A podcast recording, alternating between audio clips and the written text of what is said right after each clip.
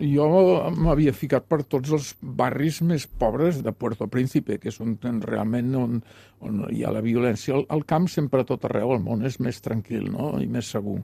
Però jo, darrere dels nanos, alguns nanos que els hi pagàvem l'escola, m'havia ficat en barris, bueno, d'absoluta misèria, sense cap mena de problema. Mai vaig tenir la sensació de... Però devia acompanyar algú del barri?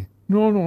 Anaves sol, no, sense que et coneguessin? Anava, anava sol, anava sol, sí. sí. Però, un dia, camí de Kenskov, a uns 15 quilòmetres de la capital, et vas quedar atrapat en una cua i, com sempre feies, vas veure unes pageses que baixaven carregades de la muntanya i els vas oferir de pujar al cotxe.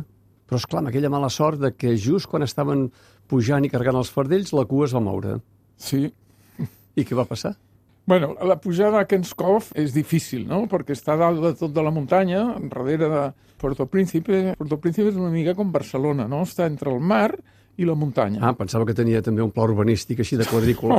No, no. I no hi ha colon, tampoc. bueno, i aleshores jo, bueno, vaig pujar, no recordo per quines raons, i quan vaig baixar, que és un, ja et dic, és una carretera que està pavimentada, però amb molta curva estreta, i veig aquestes noies que baixen carregades, carregades, i dic, bueno, pues les ajudaré a baixar, no? Paro el cotxe, estem carregant tot el que portaven a darrere, i en aquell moment, a darrere meu, hi havia una dona amb el gran cotxe rica, per dir-ho d'alguna manera, de classe alta. Ella no podia admetre, no podia suportar que ella es tingués que parar perquè jo estigués recollint dos pageses això no podia suportar. Perquè una de les coses que hi ha, que això també es té que entendre a Haití, és que hi ha una, una guerra de classes brutal, especialment entre el que és negre i els mulatos. Com diuen, a veure si me'n recordo com ho diuen, negris c'est mulat, mulat pauvre c'est negre.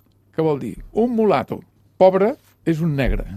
Un negre ric és un mulato. Per dir, els diners poden d'alguna manera transcendir el color, però mulatos i negres són dos mons separats. A vegades amb els diners pots arreglar una mica les coses, però si no, són dues coses diferents, totalment.